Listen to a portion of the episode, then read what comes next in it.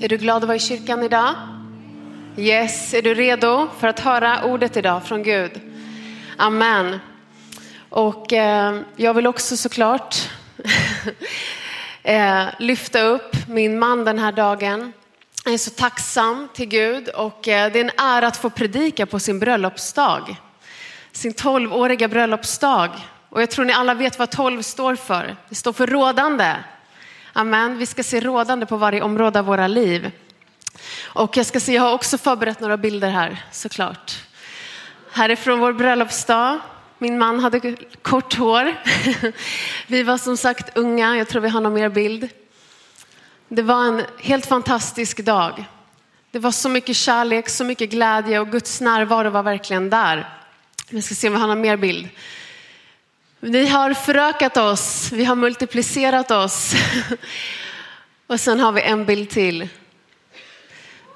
Yes. Och eh, jag vill också bara säga hur mycket jag älskar dig. Du är den bästa mannen och gåvan in i mitt liv. Jag hade aldrig kunnat se någon annan vid min sida och jag är så tacksam för de här åren. Eh, du gör mig till den bästa frun och bästa mamman och du får mig att känna mig så trygg och så älskad var eviga dag. Igår morse när jag vaknade så hade han gjort i ordning en hel frukost. Han hade bakat scones. Vem, vilken man bakar scones? Kanske någon här som gör det. Jag vet att det, det var så mycket kärlek i de sconesen, men du ger mig så mycket kärlek varje dag. Och den största välsignelsen att få tjäna Gud vid din sida.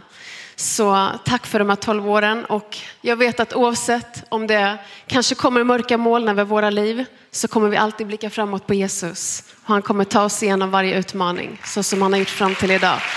Så jag älskar dig också. Och idag så vill jag ge dig ett ord inför den här sommaren. Är det någon som är glad att det är sommar? Ja, vi älskar sommaren, den här tiden på året. Och eh, vi ska njuta av den här sommaren, eller hur? Och på många sätt så kan man känna att sommaren är den bästa tiden på året. Det är varmt, det är ljust, ofta har man semester, man är ledig, eh, man kan bada och grilla och ni vet allt det här som man ser fram emot under den mörka tiden av året. Men faktum är att många gånger kan sommaren också på vissa sätt vara den värsta tiden andligt sett så kan man många gånger känna att man kanske kommer bort från Gud. Att man kanske driftar bort från Gud. Man tappar sina rutiner, man tappar sina vanor och i slutet av sommaren så kanske man känner, men hjälp, vad hände de här veckorna? Eller hur? Är det någon som känner igen sig? Ingen vågar erkänna kanske. Men idag så vill jag bara återanknyta till rema-ordet för det här året. Och jag tror att vi alla minns det, pastor Lennart delade det med församlingen i början av året. Och det är att hela vår familj ska in i arken, eller hur? Amen. Hela din och min familj ska in i arken. Men idag så vill jag bara blåsa liv i det här ordet, men jag vill också ge en annan synvinkel på det här ordet. Och jag tror att det här är ett ord som du behöver ha med dig in i den här sommaren. Och min titel idag det är Ta in arken i din familj. Ta in arken i din familj. Och då menar jag inte Noas ark, den stora båten som ska tryckas in i ditt hem, utan Guds närvaro. Amen. Och vi ska läsa ett ord från första krönikebok kapitel 13, vers 3 till 14. Och ni får följa med här bak. Och det handlar om när David flyttar Guds ark. Och det står, låt oss flytta vår Guds ark till oss, för under Sauls tid frågade, frågade vi inte efter den. Hela församlingen svarade att man skulle göra så, för alla tyckte att förslaget var gott. Då David samlade då hela Israel från Shihor i Egypten ända dit där vägen går till Hamat för att hämta Guds ark från Kirjat Jearim.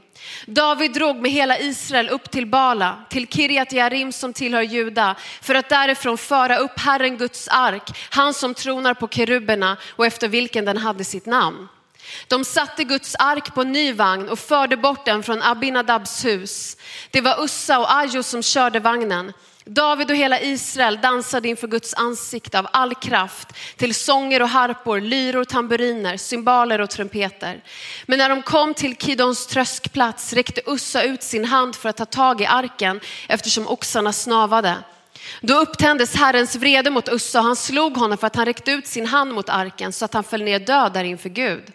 Men David blev upprörd därför att Herren hade brutit ner Ussa och han kallade den platsen Peres Ussa som den heter än idag. David greps den dagen av sån fruktan för Gud att han sa, hur skulle jag våga föra Guds ark till mig? Därför flyttade inte David in arken till sig i Davids stad, utan tog den avsides till gatiten Obededoms hus. Och Guds ark blev kvar i Obededoms hus och hans familj i tre månader. Och Herren välsignade Obededoms hus och allt han ägde. Amen. Fader, jag tackar dig för det här ordet. Jag ber att du ska välsigna det och jag ber att det ska gå på djupet i våra liv Fader. Jag tackar dig Gud för din närvaro som är det viktigaste i våra liv. Gud vi bara ber att du idag ska utgjuta en ny hunger, en ny törst efter din närvaro. Att du ska förbereda våra hjärtan inför den här sommaren som ligger framför oss. Nu lägger vi hela den här gudstjänsten och det här ordet i dina händer. I Jesu namn. Amen. Amen. Guds ark som då var en guldbeslagen kista med de två lagtavlorna som Mose hade fått tagit emot på Sinai berg eh, skulle nu föras till Davids stad. Och den här arken det var det synliga tecknet på Guds närvaro på den tiden. Och under en längre tid, jag tror jag läste att det var runt 20 år, så hade den här förbundsarken varit på en annan plats men nu säger David, låt oss flytta vår Guds ark till oss, för under Sauls tid frågade vi inte efter den. Och det första jag vill skicka med dig inför den här sommaren, det är att du och jag behöver fråga efter Guds närvaro. Kan du säga, jag ska fråga efter Guds närvaro? Det hade varit en längre tid där man inte hade frågat efter den här arken. Man hade glömt den här arken, man hade glömt Guds närvaro. Och då kommer frågan till dig och mig idag. Frågar vi efter Guds närvaro i våra liv? Den här sommaren, det kan bli en tid då Guds närvaro är det som du sätter främst av allt. Att Guds närvaro blir det som är viktigare än alla semesterplaner, alla liksom Gröna Lund och Skansen och strandbesök och allting som vi ska trycka in i vår semester, eller hur? För vi vet att den sanna vilan, den sanna vilan, vart finner vi den? En gång till, vart finner vi den sanna vilan? I Guds närvaro. Amen. Är det någon som har haft semester någon gång och varit tröttare efter semestern än du var innan? Jag har varit det flera gånger. För ibland så ska vi trycka in, vi ska hinna med, vi ska träffa dem och åka dit och hit och packa och tvätta och packa ur och hoppa in i bilen och svettas och ni vet. Göra picknick till alla igen varje dag. Men vet du vad mitt rema-ord för det här året är? Det är ordet sela. Och vi läser det på många ställen i Bibeln, framförallt i Saltaren. Och det betyder flera saker. Det är bland annat en musikalisk term, att man tar en paus i salmen. Men det betyder också pass in his presence. Pass in his presence. Stanna upp i hans närvaro. Och det är precis det här som vi behöver göra i våra liv. Till och med i vår semester kan vi vara stressade. Till och med i vår semester, den tiden då vi om någon, någon gång bör känna vila så kan vi glömma det som är det viktigaste i våra liv. Den platsen där vi finner den sanna vilan och det är Guds närvaro. Om jag ska dra en parallell till mitt äktenskap, för det är ju lite tema äktenskap det också. Så vad är det jag behöver göra i mitt äktenskap? Jo, precis som jag behöver fråga efter Guds närvaro behöver jag fråga efter min man. Eller hur? Jag behöver ha kvalitetstid med min man. Vi behöver stanna upp i vardagen. Vi behöver se varandra. Vi behöver lyssna på varandra. Vi behöver ha roligt tillsammans. Så är vi borta från varandra en längre tid, då saknar man varandra. Man ringer, när kommer du hem liksom? Man har hittat min iPhone, man ser vart han är. Ja, men nu är han snart hemma liksom. Man frågar efter, jag frågar efter hans närvaro för jag saknar honom. Jag älskar honom. Och på samma sätt behöver vi fråga efter Guds närvaro i våra liv. Amen. Och trots att det hade gått så många år så får David nu på sitt hjärta att han skulle, det var dags att, det var dags att flytta den här arken till Davids stad. Och vet du, det är inte för sent att fråga efter Guds närvaro i ditt liv. Du kanske känt att du tappat din relation med Gud. Du kanske till och med har kommit hit till kyrkan vecka efter vecka, till wow-gruppen, men du kanske känt, jag känner mig långt borta ifrån Gud. Jag känner inte hans närvaro som jag gjorde då eller förr. Du kanske känner att du glidit bort ifrån Gud, men vet du, det är inte för sent att söka honom. Det är inte för sent att vara i hans närvaro. Amen. Utan now is the time. Gud manar oss att söka honom, att komma ännu djupare in i hans närvaro. Men när de ska flytta den här arken så är det någonting som händer och det står att oxarna snavar. Och en man som heter Ussa som är med och bär den här arken, han, han liksom tar tag och griper tag i Guds ark. Och det står att han dör på fläcken. Inte så roligt, eller hur? Men det andra som jag vill skicka med dig inför den här sommaren, det är att du och jag ska inte ta Guds närvaro för givet. Ussa, han syndade genom att han grep tag i Guds ark och som ett resultat så dog han. Och jag tror inte han blev dödad för att han råkade snubbla. Är det någon som har råkat snubbla här någon gång? Eller att ditt husdjur, här var det oxar, att ditt husdjur har snubblat när du är ute med hunden eller något. Du har inte, du, Gud straffar inte dig, eller hur? För att du snubblar, eller hur? Utan vad var det han gjorde? Jo, han grep tag i arken för att han höll den inte helig. Han grep tag i arken. Och dels så förmodligen, så, så, vi kan inte läsa någonstans att han var levit. Och enligt Guds instruktioner som Gud hade gett långt innan så var det leviterna som skulle bära arken. Han var inte levit. Det andra var att man skulle bära den på, eh, med lyftstänger och inte på en vagn. Här hade de satt den på en vagn som filisterna gjorde och man, man bara gjorde det på sitt eget sätt. Men den här mannen Ussa, han hade dessutom haft den här arken i sin fars hus under den här långa tiden. Det var hans pappa, det huset där han själv bodde, det var där Guds ark hade stått. Och vet ni, förmodligen så hade Guds närvaro blivit något som var vanligt, alldagligt, vardagligt, något som man hade vant sig vid. Men vet du, Guds närvaro är ingenting som vi ska ta för givet. Utan Guds närvaro, det är det dyrbaraste vi har. Och det är något heligt. Det är något heligt. Det är ingenting vi ska försumma, utan vi behöver varje dag ha en vördnad och förundran över Guds närvaro. När vi kommer hit till församlingen, när vi kommer in här i lovsången, när vi kommer hit och hör ordet, vi behöver ha en vördnad inför Gud och hans närvaro. Men också i ditt personliga liv, när du ber, när du söker Gud, Guds närvaro är heligt. Tänk att du och jag får ha Guds närvaro. Tänk att vi slipper, precis som det var förr i tiden, att prästen fick gå in i det allra heligaste en gång per år. Du och jag kan möta Guds närvaro varje dag på grund av det verk som Jesus gjorde på korset. Amen, är du tacksam för det? Amen. Men det fanns också en annan person i den här berättelsen och det är Obededom. Kan du säga Obededom? Jag tror ingen heter det här inne. Det har ingen speciell betydelse. Det betyder arbetare från Edom. Den här mannen, han var, han var en enkel man. Han, han levde förmodligen, förmodligen väldigt enkelt liv. Men på grund av att David får sån gudsfruktan när den här mannen Ussa dör så väljer han att sätta paus. Nej, jag kan inte ta Guds arken i mitt hem. Och istället så säger han att man ska sätta Guds ark i Obededoms hus. Den här enkla mannen och jag undrar vad hans familjs reaktion var. Tänk, här har en man precis dött när han har rört vid den här arken. Och så kommer nu Guds ark in i deras enkla hem. Kan du se familjens ansikten? Åh oh, nej, liksom. här får vi inte snubbla och snava. Och Guds ark kommer rakt in i deras hem 24-7.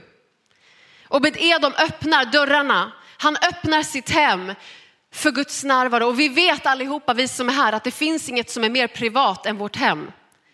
Det finns ingenting som är närmare oss än de rummen som vi lever i varje dag. Och Obed-Edom visste det här, men han sa, han sa sitt ja. Och han lät Guds närvaro få komma in i varje hörn, i varje skrymsle av hans personliga liv och i hans familjs liv.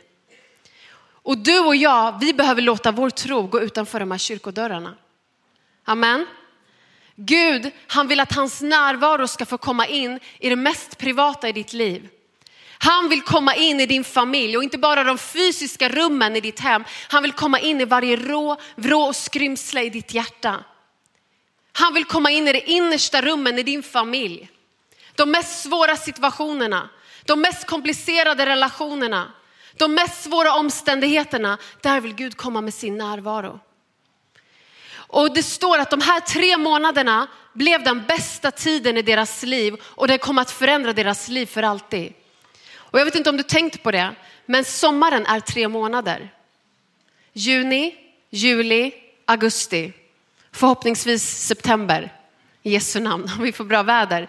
Men vet du, det här kan bli din bästa sommar. Det här kan bli en sommar då du öppnar dörrarna i ditt liv för Guds närvaro som aldrig förr. Amen. Då Guds närvaro inte är något som du tar för givet, utan att du frågar efter Guds närvaro och att Gud får gå på djupet i ditt liv. Sommaren ska inte vara en tid då du och jag försvagas i vår vandring med Gud, utan det ska vara en tid då vi fördjupas i Gud. Vill du det? Jag vill det. Amen. Det här ska bli de bästa månaderna, de här tre månaderna. Och det handlar inte om att, att vi liksom får den bästa sommaren för att vi åker på fem veckors all inclusive. Gud välsigne dig om du ska göra det. Utan vår välsignelse, vår glädje, vår sanna tillfredsställelse, det ligger i att vi öppnar upp för Guds närvaro i våra liv. I mitt äktenskap så vet jag att relationen med min man, det är den viktigaste relationen jag har förutom min relation med Gud. Och därför kan inte jag ta den för givet. Den, min relation med min man, jag måste uppskatta den relationen. Jag behöver värdera min relation med min man.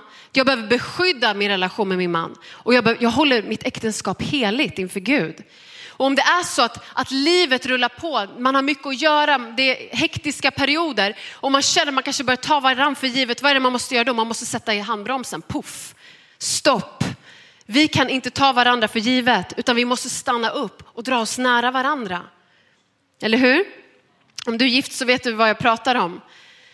För när vi står inför altaret och, och, och man gifter sig så inför Gud så blir man ett, eller hur? Bibeln säger att vi blir ett när vi ingår äktenskap med varandra. Men hur många som är gifta vet att vara ett är någonting man behöver jobba på varje dag för resten av sitt liv?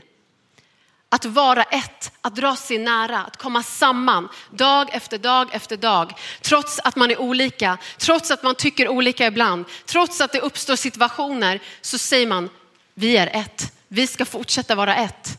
Ingen distans ska få komma in emellan oss. Ingen splittring ska få komma in och stjäla i vår relation. Och samma sak är det med din relation med Gud.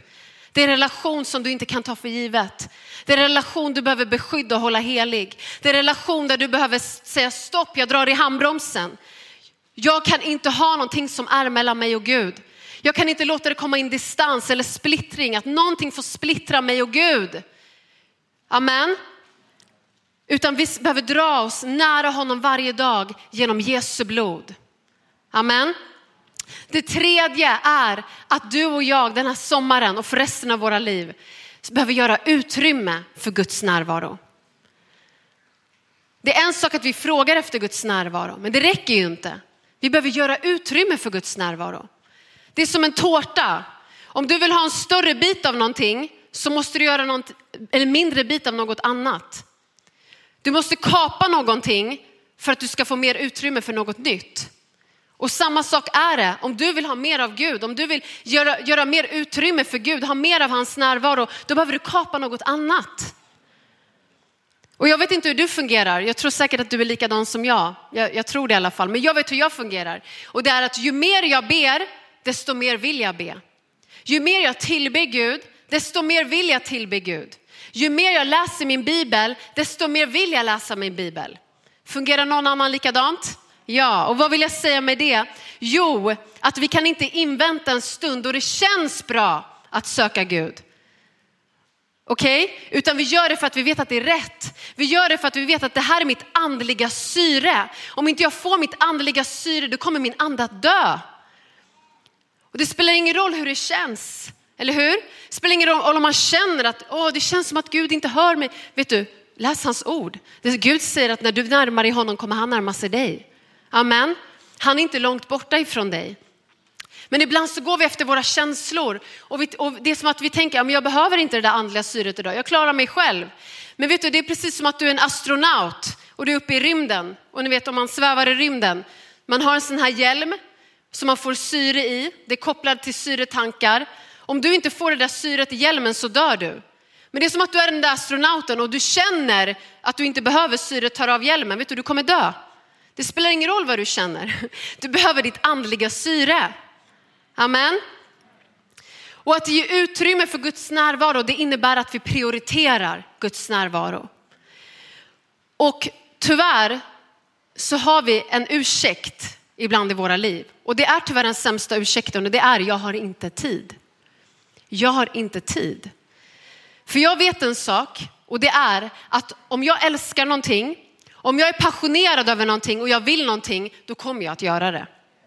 Om du gillar att titta på fotboll, någon som gillar att titta på fotboll här, jag vet att det är många som gillar att titta på fotboll, du kommer titta på fotboll. Okej? Okay? Och det är så vi fungerar. Vi kommer att prioritera det som är det viktigaste för oss. Är Guds närvaro det viktigaste för oss, då kommer vi se till att vi har tid för Guds närvaro i våra liv, att umgås med Gud. I mitt äktenskap har jag behövt göra utrymme. Det är olika perioder, det är olika faser där man behöver kapa något för att göra utrymme för det som är viktigare. Man kapar något här för att ha mer tid tillsammans. Det kommer inte ske automatiskt. Det räcker inte att jag tänker en tanke, åh jag önskar att jag kunde vara mer med min man. Det räcker inte, jag behöver göra utrymme för min relation med min man. Och samma sak är det med relationen med Gud. Och du kan göra det den här sommaren. Du kan vakna på morgonen, du kan ha din bibel bredvid dig. Lägg tips, lägg bibeln framför telefonen. Så att du lägger bibeln närmast dig på sängbordet så lägger du telefonen längre bort eller under madrassen. Så du tar bibeln före din telefon när du vaknar på morgonen. Det är tips. När, sätt på lovsång i ditt hem med hela din familj. När du ligger på stranden, du kan vara i Guds närvaro. När du sitter i bilen och ska åka till Kolmården eller vart du nu ska bila i sommar, du kan vara i Guds närvaro. Amen. Du kan vara, I dina tankar kan du umgås med Gud. Med dina ord kan du uttrycka din kärlek till Gud. Amen. Överallt där du är och rör dig kan du vara med Jesus den här sommaren. När du ser solnedgången, när du ser allt det vackra, där, där är Guds närvaro. Du kan säga tack Gud att du har skapat allt det här för att du älskar mig. Tack att jag får njuta av det här. Tack att jag får vara med dig den här stunden och bara se hur stor och allt vackert du har gjort, hur stor du är Gud. Det fjärde, det är att allt börjar i det fördolda. Kan du säga fördolda? Och när det kommer till livet med Gud så börjar inte allt i det storslagna. Vi människor vi gillar ofta det som är snyggt och stort och bra och färdigt, färdiga resultat, snabba resultat, allt sånt här. Men livet med Gud det börjar i det fördolda i våra liv. Och Jesus talar om det här i Matteus 6 och vers 5 och du känner säkert igen det om du har varit kristen en längre tid. Och där säger Jesus att när ni ber ska ni inte vara som hycklarna som älskar att stå och be i synagogorna och i gathörnen för att synas inför människor. Jag säger er sanningen, de har fått ut sin lön. Nej, när du ber, gå in i din kammare och stäng din dörr och be till din far som är i det fördolda. Då ska din far som ser i det fördolda belöna dig. Och vad är det fördolda? Det är inte i första hand en fysisk plats, även om Jesus här talar om att gå in i sin kammare och stänga en dörr, en plats där du kan vara ensam. Det fördolda är en plats där ingen kan se eller bekräfta det du gör. Det är den osynliga platsen i ditt liv. Det är den obemärkta platsen där ingen människa kan applådera för dig. Där ingen kan klappa dig i axeln och säga vad duktig du var nu. Och du började dagen rätt, du bad en timme, bra jobbat. Den hemliga platsen där det är bara du och Gud. Han som ser dina tankar, han som ser dina och mina känslor. Han som ser djupen i oss. Den hemliga platsen, det är där det bara är du och Gud. Gud, han bryr sig inte i första hand om hur vi är när vi kommer till kyrkan. Han bryr sig inte i första hand om hur vi är när vi är med våra vänner, även om det är jätteviktigt också såklart.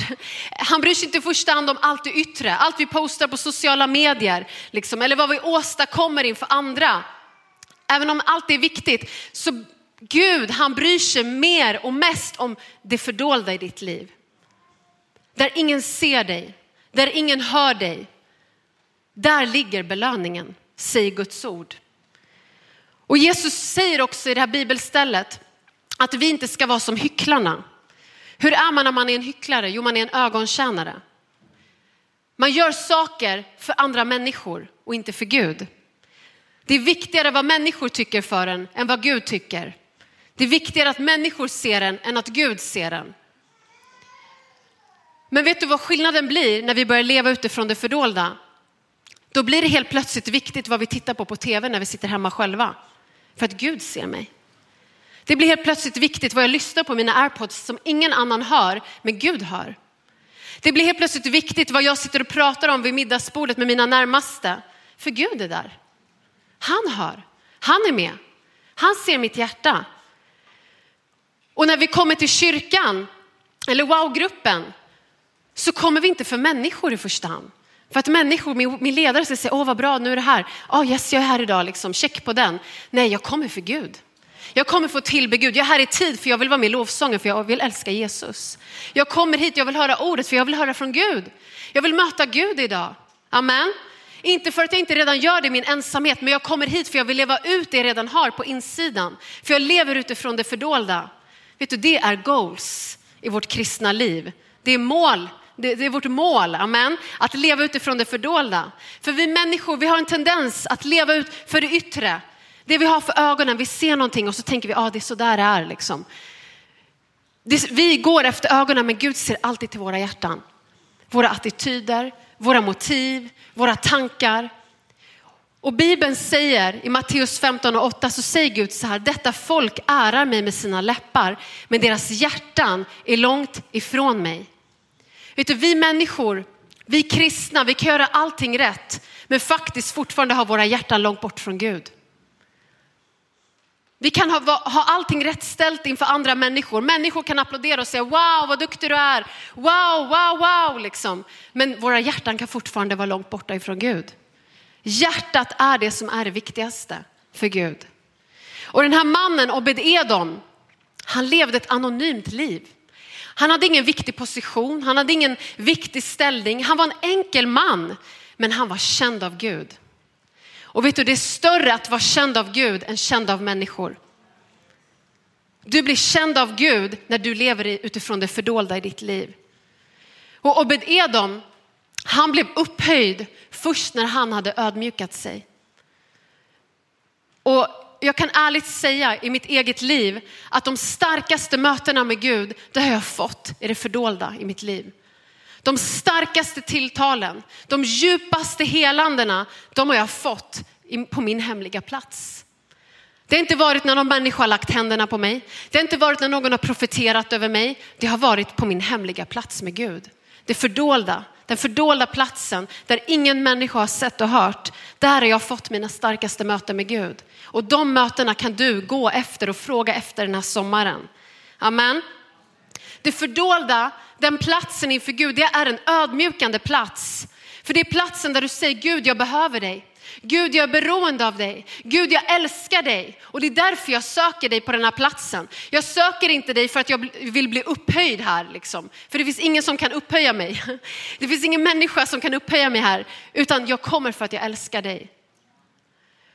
Och det står i första Petrus brev 5 och 6 att ödmjuka er därför under Guds mäktiga hand så ska han upphöja er när tiden är inne. Allt börjar i det fördolda men allt slutar inte i det fördolda. Utan vad gör Gud? Gud älskar att upphöja dem som först har ödmjukat sig. Amen. Det var precis det här han gjorde med Obededom och det är det vi ska komma in på nu. För den andra punkten jag vill skicka med dig, det är att Guds närvaro gör avtryck i andras liv. Och det stod, vi läste i vers 14 att Guds ark blev kvar i Obededoms hus och hans familj i tre månader. Och Herren välsignade Obededoms hus och allt han ägde. Är det någon som vill bli välsignad? Är det någon som vill att sin familj ska bli välsignad? Att allt du äger ska bli välsignat? Amen, vi alla vill det. Och den här enkla Obed-Edom, någonting hände när Guds närvaro kom in. Allt förändrades. Allt förändrades i hans liv och i hans familj. Det står att hela hans familj blev välsignad. Och Gud upphöjde Obed-Edom och vi kan läsa att Gud välsignade honom i generationer. Och det står i andra Samuels bok 6 och 12 så står det så att det berättades för kung David att Herren hade välsignat Obededoms hus och allt han ägde på grund av Guds ark. Vet du, Obededom han, han behövde inte gå och berätta om vad Gud gjorde. Han behövde inte gå ut och säga jag är välsignad, liksom. Gud har förökat mig. Vet du, ryktet gick om Obededom. Ryktet gick ut. Ryktet kom ända till kung David. Och vet du, samma sak är det med ditt liv. När du lever i Guds närvaro, när du lever utifrån den fördolda platsen i ditt liv, då kommer ryktet gå om dig. Amen. Du kommer göra avtryck med ditt liv överallt där du går fram. Den här sommaren när du hoppar ner i poolen kommer du göra avtryck för du har Guds närvaro. När du kliver runt på stranden där liksom, du kommer göra avtryck. Amen. När du sitter och äter din glass liksom, där kommer Guds närvaro vara med dig. Amen. Om du har varit med Gud så kommer det bli avtryck överallt där du går fram. Amen.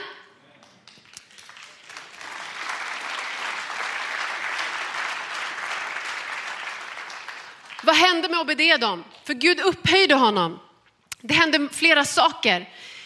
Och det första kan man se i första krönikebok 15.24 och där står det massa namn. Och det står att de skulle blåsa i trumpeter framför Guds ark. Och så kommer Obed-Edoms namn in. Det står Obed-Edom skulle vara dörrvakt vid arken. Han blev en dörrvakt vid Guds hus. Och det var inte vilken uppgift som helst. Det var en stor och viktig uppgift som han ansåg vara helig. Han blev betrodd, han blev anförtrodd. Varför? Jo, för han hade haft Guds närvaro i sitt liv. Han hade levt utifrån den fördolda platsen och därför kunde han bli betrodd med mer. Sen ser vi igen i vers 21, då står det flera namn igen. Jag kan inte ens uttala alla, men där står Obededom igen. Hans namn poppar upp överallt och där står att han skulle leda sången med harpor. Han blev lovsångsledare, den här enkla mannen. Han var dörrvakt, han blev lovsångsledare. Men det stannar inte där, utan sen står det i, vers 26 och, i kapitel 26 och vers 8 att alla dessa hörde till Obed-Edoms ättlingar. De själva och deras söner och bröder, dugliga och kraftfulla män i tjänsten, tillsammans 62 ättlingar till Obed-Edom. Vet du, han var en nobody, men han blev en somebody. Vet du varför? Jo, för han lät Guds närvaro genomsyra hela hans liv. Och för att när han ödmjukade sig så kunde Gud upphöja honom. Och vet du, när du öppnar dina dörrar helt och fullt för Guds närvaro i ditt liv och i ditt hem, då kommer han öppna dörrar för dig att tjäna honom i det öppna. Amen. Och när du stänger dörren till din kammare för att vara med Gud i det fördolda och söka honom, då kommer Gud öppna dörrar i det offentliga som du aldrig hade kunnat öppna i egen kraft. Amen. Och jag vill ta ett exempel och det är Paulus Abraham, han sitter där bak va? Paulus, han arbetar i KD som politiker och i Jesu namn ska han in i riksdagen nästa val. Yes. Och eh, här om veckan så fick han ett samtal och det var från partiledarens, Ebba Buschs eh, sekreterare om jag minns rätt, som bad honom att vara med och presentera partiledaren på Järvaveckan.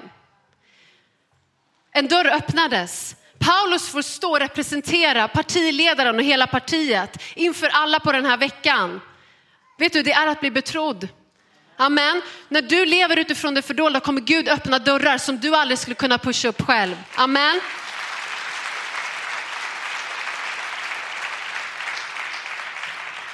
Och han blev inte bara upphöjd på det sättet att han fick känna Gud och han fick skina. Nej, han vann hela sin släkt.